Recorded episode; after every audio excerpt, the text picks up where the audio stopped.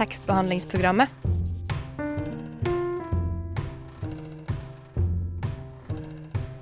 Tekstbehandling på radio.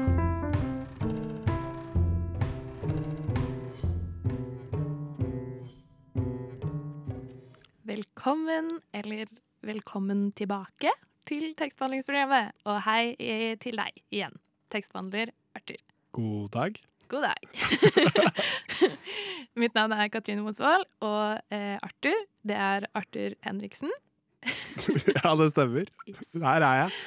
Eh, I dag. Litt forsinka, men i anledning at vi nå er nærmere enn tidligere hva gjelder samtykkelov i Norge. Og fordi det alltid er relevant. Eh, Ref. kulturstreiken. Vi skal snakke om kvinne i litteraturen. Men det er også bredere enn det. Og større enn kvinnen er feminismen. Mhm. Jeg gleder meg. Eh, før eh, vi prater videre om det, la oss catch up. Eh, har du lest noe interessant siden eh, sist? Et tips? Et Eh. utips? En undring eller en uh, beundring? Altså Ja, en undring, en beundring. Litt forskjellig, kanskje. Altså, jeg har lest uh, spesifikt ett essay siden sist. Som er av en uh, død, gammel uh, hvit mann som heter Ralph Waldo Emerson. Og han har skrevet et, et essay som heter 'Nature'. som på en måte handler om menneskets relasjon til naturen og mental helse i relasjon til naturen og sånn. Og jeg likte det ganske godt, alle delene han ikke brakte inn eh, Gud i det, som han gjorde ganske mye, egentlig. Så Men eh, ja. Eh, men jeg anbefaler det. Det er et interessant essay. Hva med deg? Jeg eh, har vært på biblioteket eh, i Bjørvika og rota litt i magasi maga magasinet. Eh, og der kom jeg over en bok som heter 'Lettera a un bambina mai nato'. Eh, som er Den, ja. Ja, Ja, den. Ja. Mm. den på italiensk. Eh, av, eh, hun som har skrevet den, heter Oriana Falacci. Eh, hun ble født i Nei, boka er fra 1975, eh, og hun ble født i mellomkrigstiden og vokste opp liksom derfra, da, i, i Italia. Mhm. Eh, og hun var abortmotstander, men også ateist. Eh, og jeg plukket bare med meg boka visste ikke helt hva den handlet om. Jeg har ikke kommet så langt, det går ikke så fort. Eh, og jeg får kanskje med meg 80% som gjør at det egentlig er litt mer underholdende. Eh, men jeg koser meg. Eh, det, altså, Tittelen er 'Brev til et barn som ikke ble født'. Eh, ja, OK. eh, og hele dama er ganske interessant. Jeg tror ikke jeg kan kalle henne feminist. Nei, det er veldig enigmatisk av henne da, å være eh, motstander av abort og samtidig ikke Samtidig være, være styr, ikke være styrt av noen religion i det hele tatt. Ja, samtidig liksom en sterk eh, kvinnestemme. Jeg vet ikke. Men den, den går under undring. Ja, ok, greit. Ja. ja, jeg beundrer definitivt Emerson, men eh, Nature går litt uh, den, den går mer under undring enn uh, en de andre tingene jeg har lest av ham. Hvis du går hjem med noen og de ikke har bøker, ikke knull dem. Hilsen tekstbehandlingsprogrammer. Ikke gjør det! Ikke faen om du knuller de da. Seriøst. Eh, feministisk litteratur. Litteratur eh, som blir gitt ut i dag. Jeg tenkte vi skulle begynne der, hva som har kommet i det siste. Eh, og jeg føler generelt sånn det siste året, to årene kanskje, mye identitetstematikk. Det har vi pratet så vidt om før i tekstbehandlingsprogrammet. Eh, og eh, blant annet eh, viktige og opplysende biografier som forteller minoritetshistorier, eh, og som bidrar til mangfoldsforståelse. Eh, og det kan man vel også kalle feminisme? Ja, interse interseksjonell eh, feminisme. Ja, og i Mhm. liksom bare sin reneste Og man skal på en måte strippe det helt ned. Feminisme er likestilling. Likestilling krever at man er oppmerksom på og opplyst om forskjellene. Eh, mangfold kan vi også få gjennom oversatt litteratur. Så jeg tenkte vi skulle se på litt feministisk litteratur som er gitt ut nylig eh, oversatt. Og da er det spesielt én tittel som kom ut i år, om jeg ikke tar helt feil, som er skrevet av Sara Ahmed. Eh, hun er en britisk-australsk professor, feminist og forfatter. Og hun har skrevet eh, Eller ja, det er blitt gitt ut en, en bok på eh, Cappelens upopulære Eller i liksom serien. Cappelens upopulære skrifter. Har du hørt om den serien? Nei, jeg har ikke hørt om det. Det er første gang hun har oversatt til norsk, da. Og det er en samling forskjellige tekster som tar utgangspunkt i den feministiske gledesdreperen, som er på en måte hennes eh, teori om hvordan det er å komme som eh, feministaktivist. Eh, mm eh, ja, At du er litt sånn eh, antirasist, og ja. drepe stemninga, da. At du er litt sånn Ja. er politisk korrekt, eller har lyst til å ja, det er jo på en måte det, kanskje den Hvis du snur den derre sokken som han derre uh, Buss Killington i Family Guy eh, er, og du snur den og vrir den rundt, så er det kanskje eh, Ja, Mm, Kanskje. Den i hvert fall Men eh, ja, jeg kan, ja, jeg kan forstå den, uh, den vinklingen. Det er en interessant vinkling. En, uh, en eh, annen eh, norsk, da, ikke oversatt uh, tittel, som jeg også har lyst til å prate litt om, er eh, 'Makta' av Heidi Furre, som kom ut nå i, i sommer. Mhm. Eh, veldig på en måte en slags hverdagslig skildring av hvordan det er å eh, En hverdagslig skildring- skildring av et liv etter et eh, overgrep i, i gråsonen. Det er et veldig interessant tema. Jeg tror det er veldig mange som kan relatere seg til det. Det er jo en eh, gråsone hva gjelder overgrep, men det er jo også veldig mye mørketall, rett og slett, med slike typer overgrep. Og også Eh, hvordan man ja. kan oppleve det etterpå. Mm. At det på en måte Jeg føler det den på en måte sier sterkest, det er jo at det, det påvirker deg. Det går ikke Mm. over, på en måte. Det er noe som sitter ved. Eh, og da den siste jeg vil nevne, den kom i fjor, men den eh, er eh, også en bok om, om overgrep og samtykke, men eh, et litt annet perspektiv. Det er en datter, Vilde Bratland Hansen, som har skrevet om sin far. Eh, hans opplevelse eh, og hennes opplevelse med en far som ble utsatt for overgrep da han selv var liten gutt. Eh, den heter 'Pappas hemmelighet', og det er også feministisk litteratur, vil jeg si. Ja, det jeg, Altså, jeg vil ikke si at det er manko på det. Men eh, det er, naturligvis er det viktig at uh, viktige temaer blir eh, skrevet om i litteraturen. Og litteraturen er en fantastisk plattform eh, for å kunne uttrykke de eh, meningene her som eh, trenger mer oppmerksomhet enn eh, et par øyne på et kommentarfelt. så det, det er supert at det finnes. For det kan jo det kan vel aldri bli nok feministiske stemmer i litteraturen? Eller? Nei, altså Spørs på om de er gode, da. For det det- finnes jo en del. det, det er, ja, jeg føler ikke at det er manko på eh, feministisk eh, litteratur nødvendigvis. Altså Iallfall ikke hva gjelder politisk eh, retta litteratur, da. Eh, altså, vi kan jo sitte her og ha en sånn semantisk diskusjon om eh, feminisme er politikk eller ideologi, eller i hvert fall Men innenfor eh, den kategorien så føler jeg at feminisme er et av de temaene som får relativt mye oppmerksomhet, da, føler jeg. Er det fordi det favner så bredt? Hmm. Ja, det er jo veldig relevant. Det forteller jo noe om alle mennesker. Det angår alle, liksom. Ja, det angår definitivt alle. Siri? Jeg er din Ja. assistent. Hører du på tekstbehandlingsprogrammet? Selvsagt. Gjør som Siri. Hør på tekstbehandlingsprogrammet.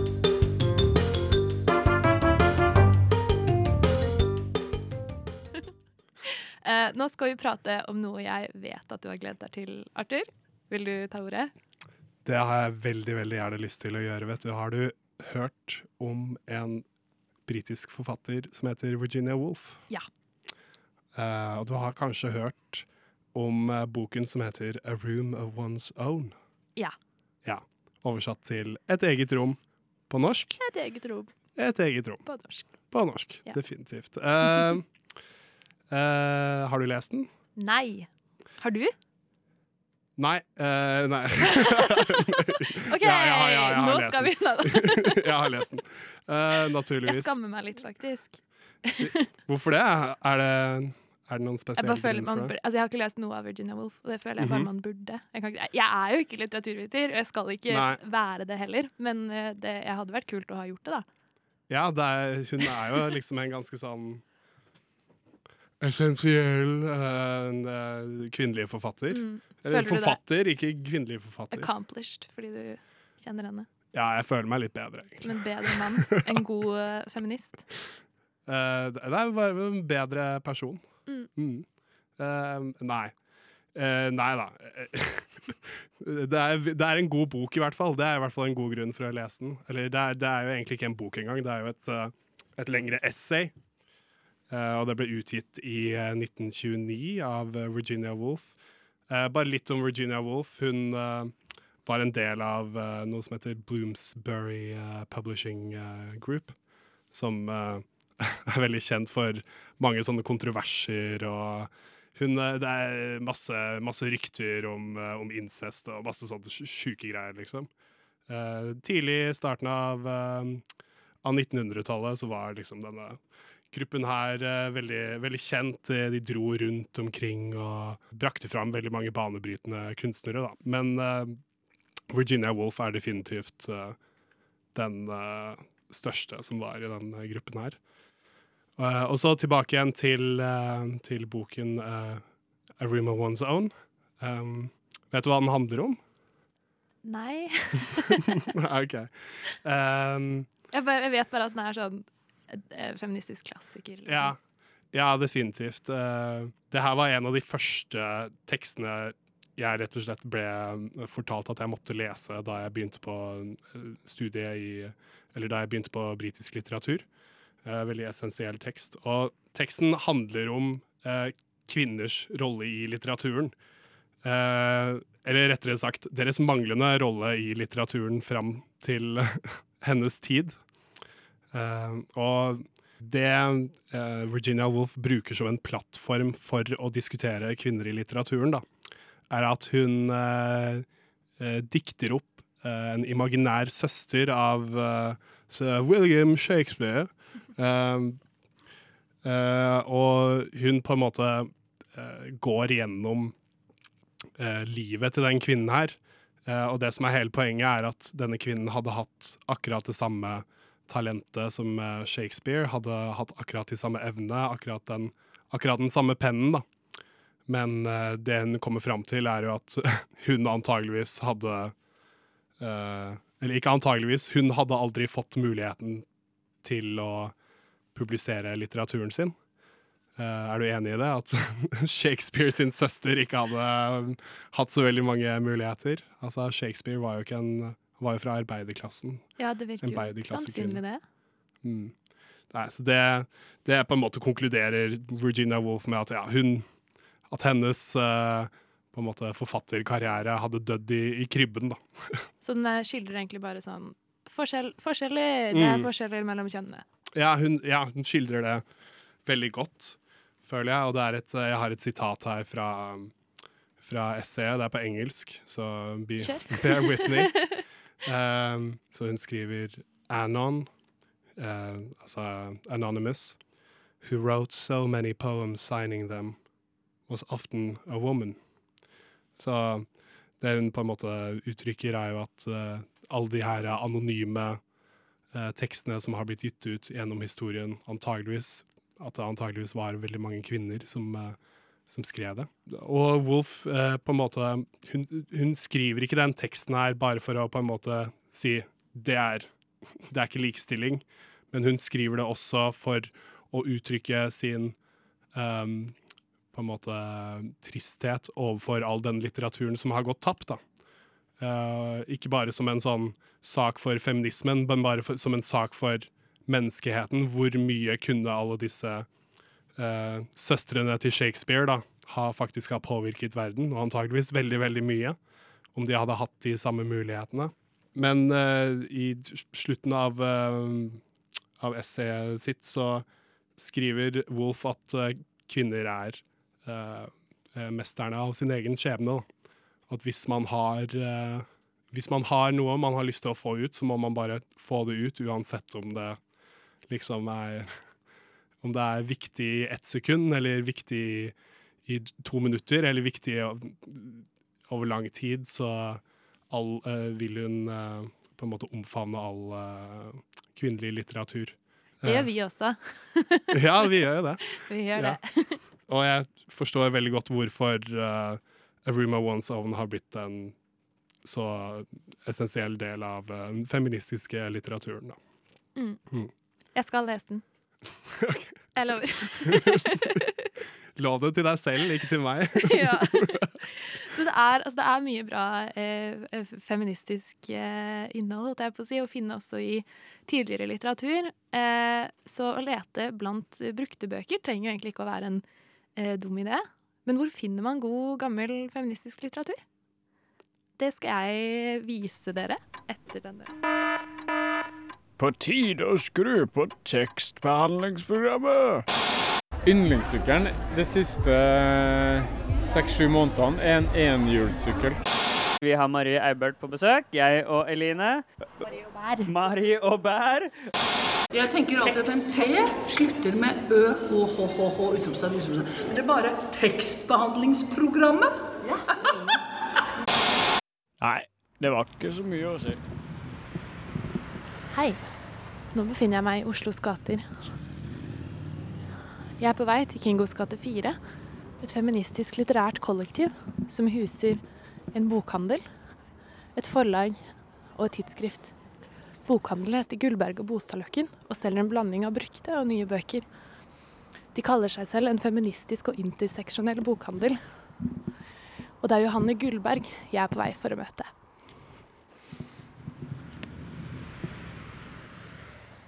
Hei, Johanne. Hei!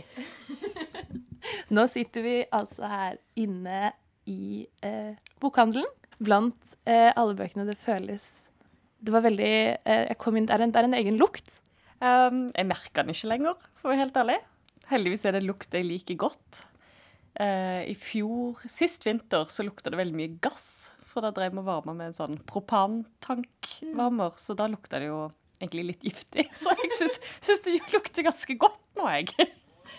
Eh, og veggene er eh, rosa, men listene er blå.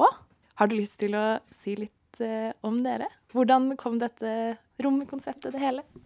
Eh, ja, nei eh, Jeg og min eh, businesspartner, Ida Bostadløkken, hadde en idé om at vi hadde lyst til å starte en feministisk bokhandel. Eh, og til å begynne med var vi bare på nett. Og så ble plutselig dette lokalet tilgjengelig, og vi fikk vite om det av eh, de som leier ved siden av oss. Og så posta vi på Facebook at vi gjerne ville leie sammen med andre, og da kom tidsskriftet Fett og forlaget Brød og Roser. Eh, ble med, da, og plutselig så var det liksom Oi, shit, nå kan vi faktisk leie et lokale. Og jeg tror i løpet av én måned så gikk vi fra å ha nettbutikk til å ha et lokale som måtte pusses opp og klargjøres på sånn to uker. Så det var en veldig rask prosess når det først begynte. Um, ja, litt av det litt, sånn idealistiske bak det var vel at um, Vi så at i norske bokhandlere så er ca. to tredjedeler av det som selges, skrevet av menn. Uh, samme med topplister, samme de som blir anbefalt og anmeldt.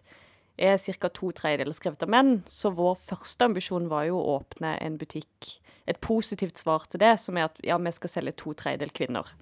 Og så har det tilfeldigvis blitt eh, 90 kvinnelige forfattere eh, i hyllene våre, da. Så det var egentlig bare et, sånn, et positivt svar til noe vi savna sjøl, istedenfor å være kritiske til det som allerede eksisterer, så hadde vi lyst til å bare gjøre det motsatte. For det er jo eh, det siste mm, halvåret eh, blitt publisert og oversatt eh, flere bøker som disse kanskje to tredjedelene av menn ikke har, har tatt opp. Eh, da, hva, hva tenker dere om det? Ser dere et slags skifte, eller er det Det er et litt stort spørsmål for meg, for jeg har vært bokhandler i litt under et år nå. Eh, og før det har jeg egentlig studert psykologi og jobba med andre ting. Så jeg kan ikke si noe om de store trendene, om det liksom nå har snudd. Og, men jeg er enig i at det er veldig mye bra som publiseres, og mye bra som blir oversatt, og mange livserfaringer som vi får lese nå, som liksom ikke har kanskje vært tilgjengelig før.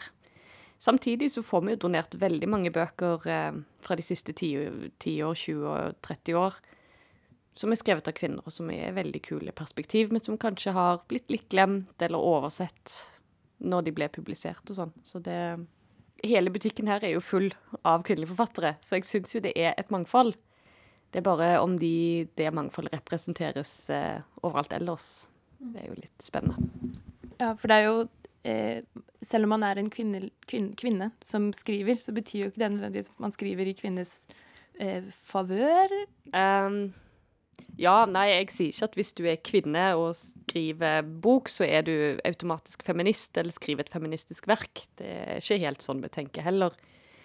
Men vi tenker spesielt for bøker som er publisert for en stund siden, så var det jo en ganske stor greie at de i det hele tatt ble publisert. Og det er jo nesten feministisk i seg sjøl å tenke at de har, eh, de har klart å bli publisert når det var vanskelig.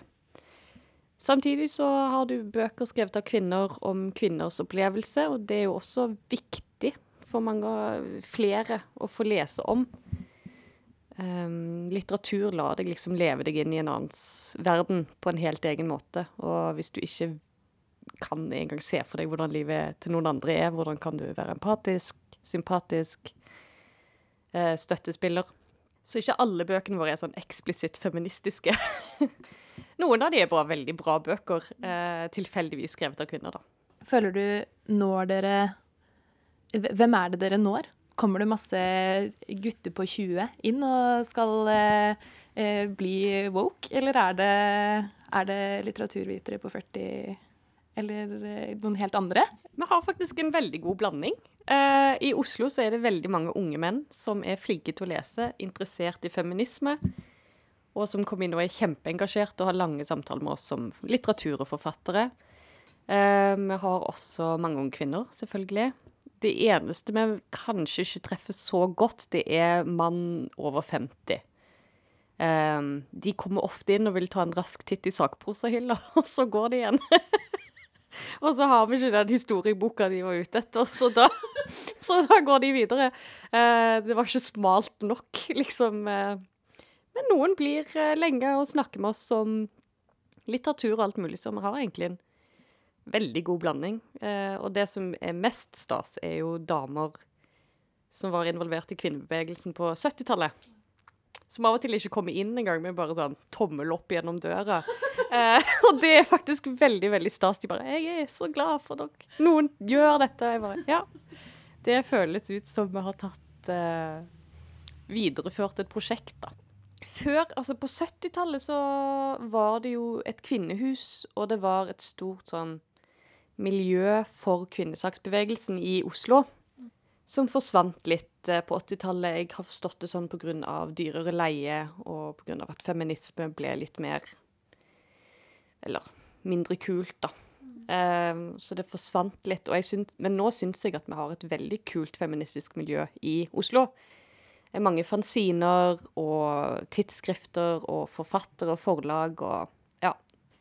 Så jeg syns egentlig det var på tide med feministisk bokhandel. Eh, og det er kult å ha et eksplisitt feministisk sted som ikke bare er Eller som er tilgjengelig for alle, da.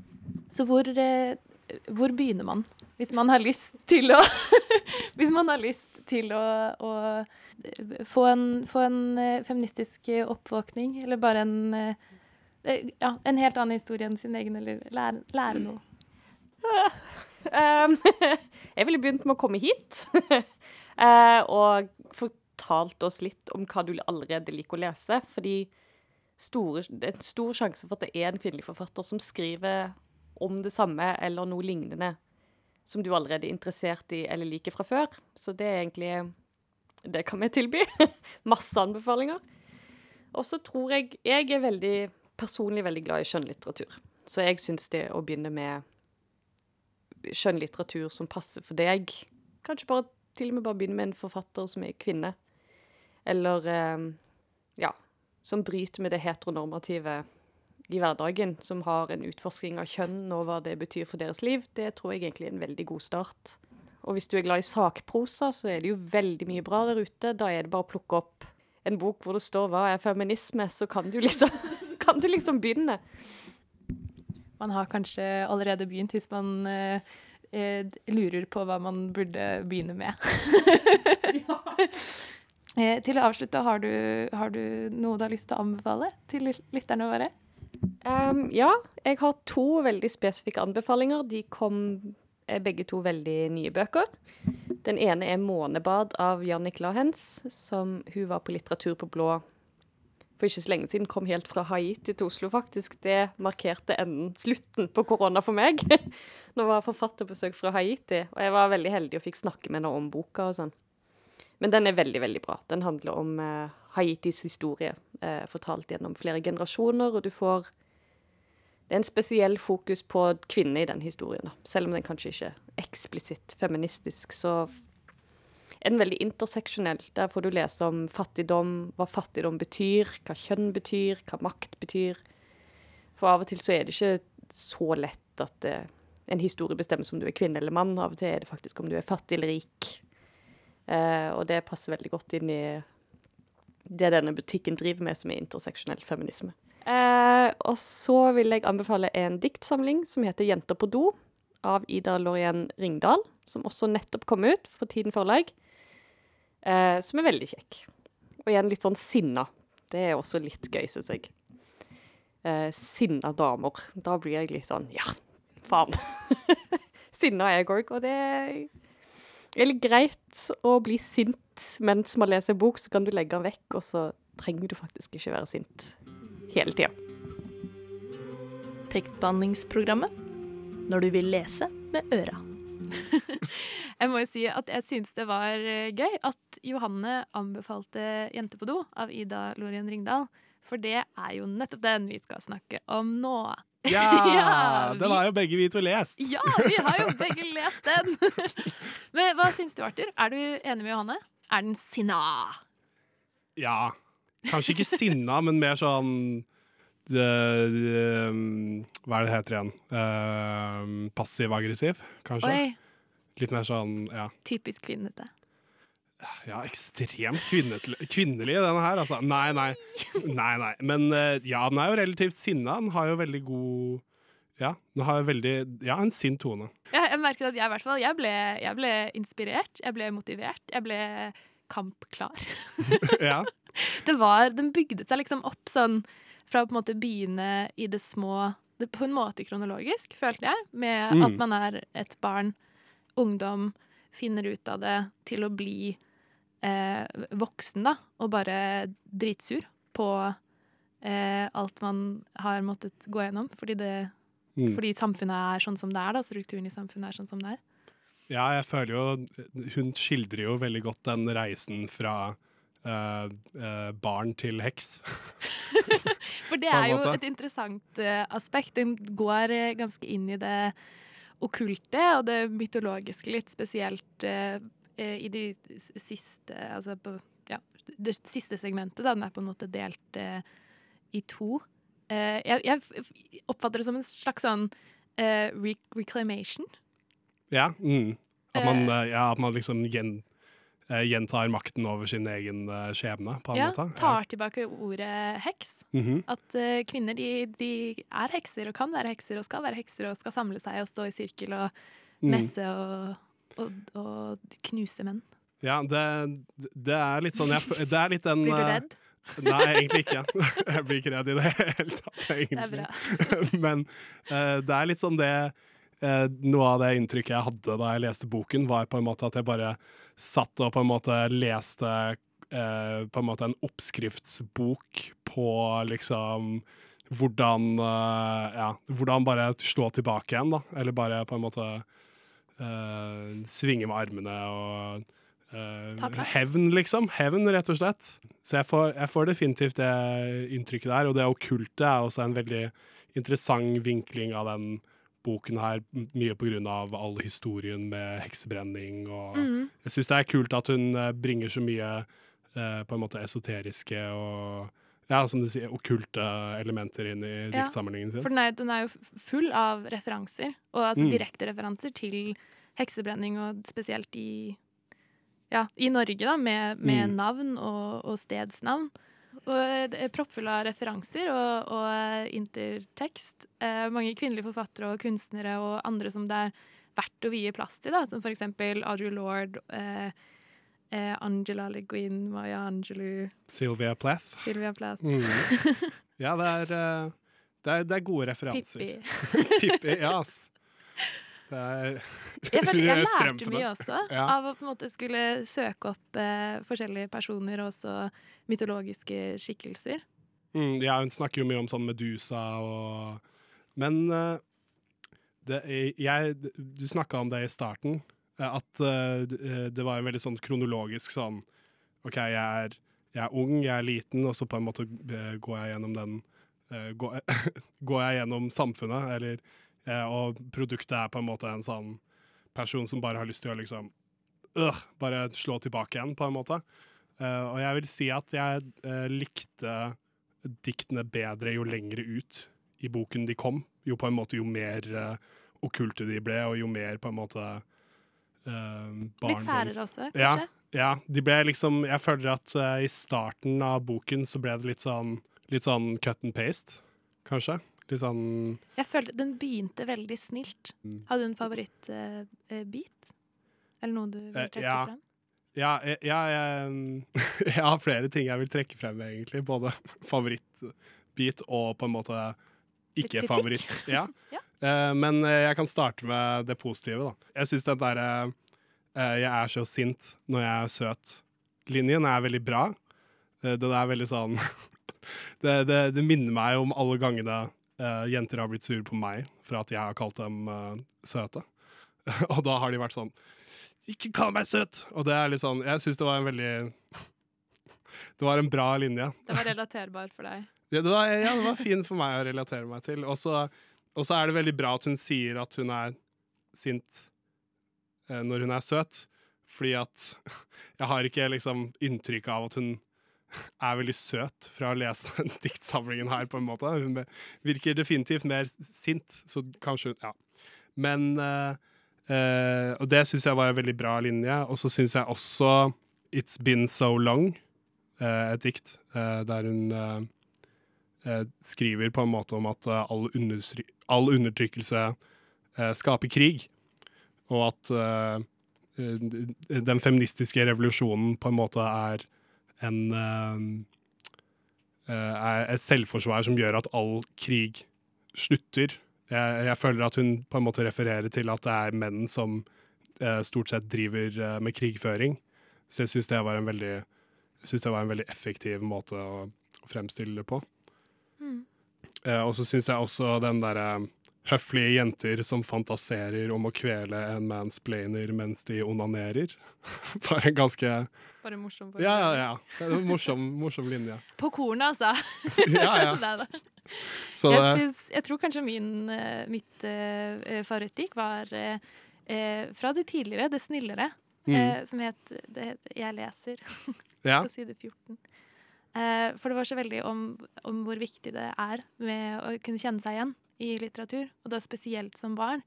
Hvor viktig det er med, med sterke kvinnekarakterer. Den går jo liksom inn, altså Der blir på en måte intertekst. Hun, hun de, de, de, føler seg ikke helt tilpass i kroppen sin, føler seg ikke helt Mm. tilpass i på en måte alt, og så er det bare masse referanser til eh, kvinneskikkelser som Ronja Røverdatter og Pippi Langstrømpe og, og flere, Mm. da, som hun eh, ble, kunne være forbilder da, som barn.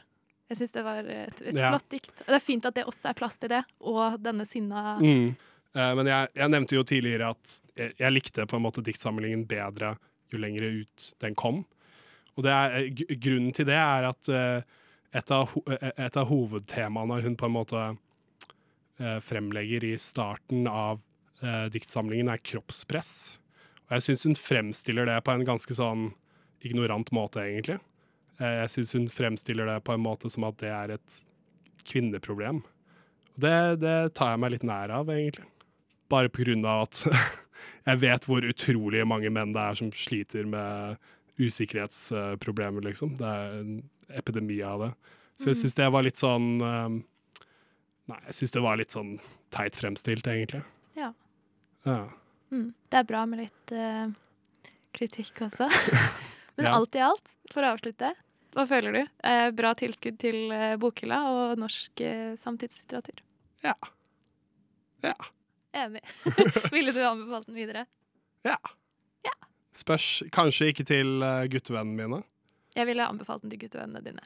Ja, det- men jeg tror, ikke, jeg tror ikke det hadde hatt den ønskede effekten. Er kjempelettlest. Bare Ja. pløyer det. Null E problem.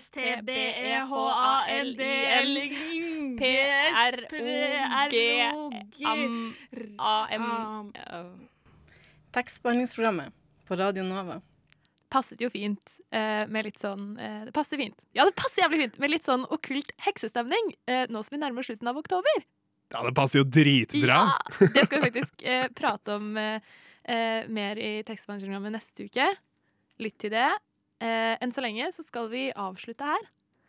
Eh, men jeg tenkte at vi kunne la lytterne få med seg noen siste anbefalinger før vi runder av. Hva har du tatt med til oss, Arthur? Nei, jeg har tatt med flere engelske anbefalinger. Because uh, that's just how I am. Okay. Uh, og jeg er veldig glad i engelsk litteratur. Uh, så jeg har tatt med uh, tre anbefalinger. Uh, og det er ikke en bøker, de er veldig overkommelige. Små ting du kan lese. Kompisen din hadde lest de? Ikke- Nei. Nei. Eh, ja, men jeg har i hvert fall eh, eh, noen anbefalinger av eh, kvinnelige, kvinnelige forfattere.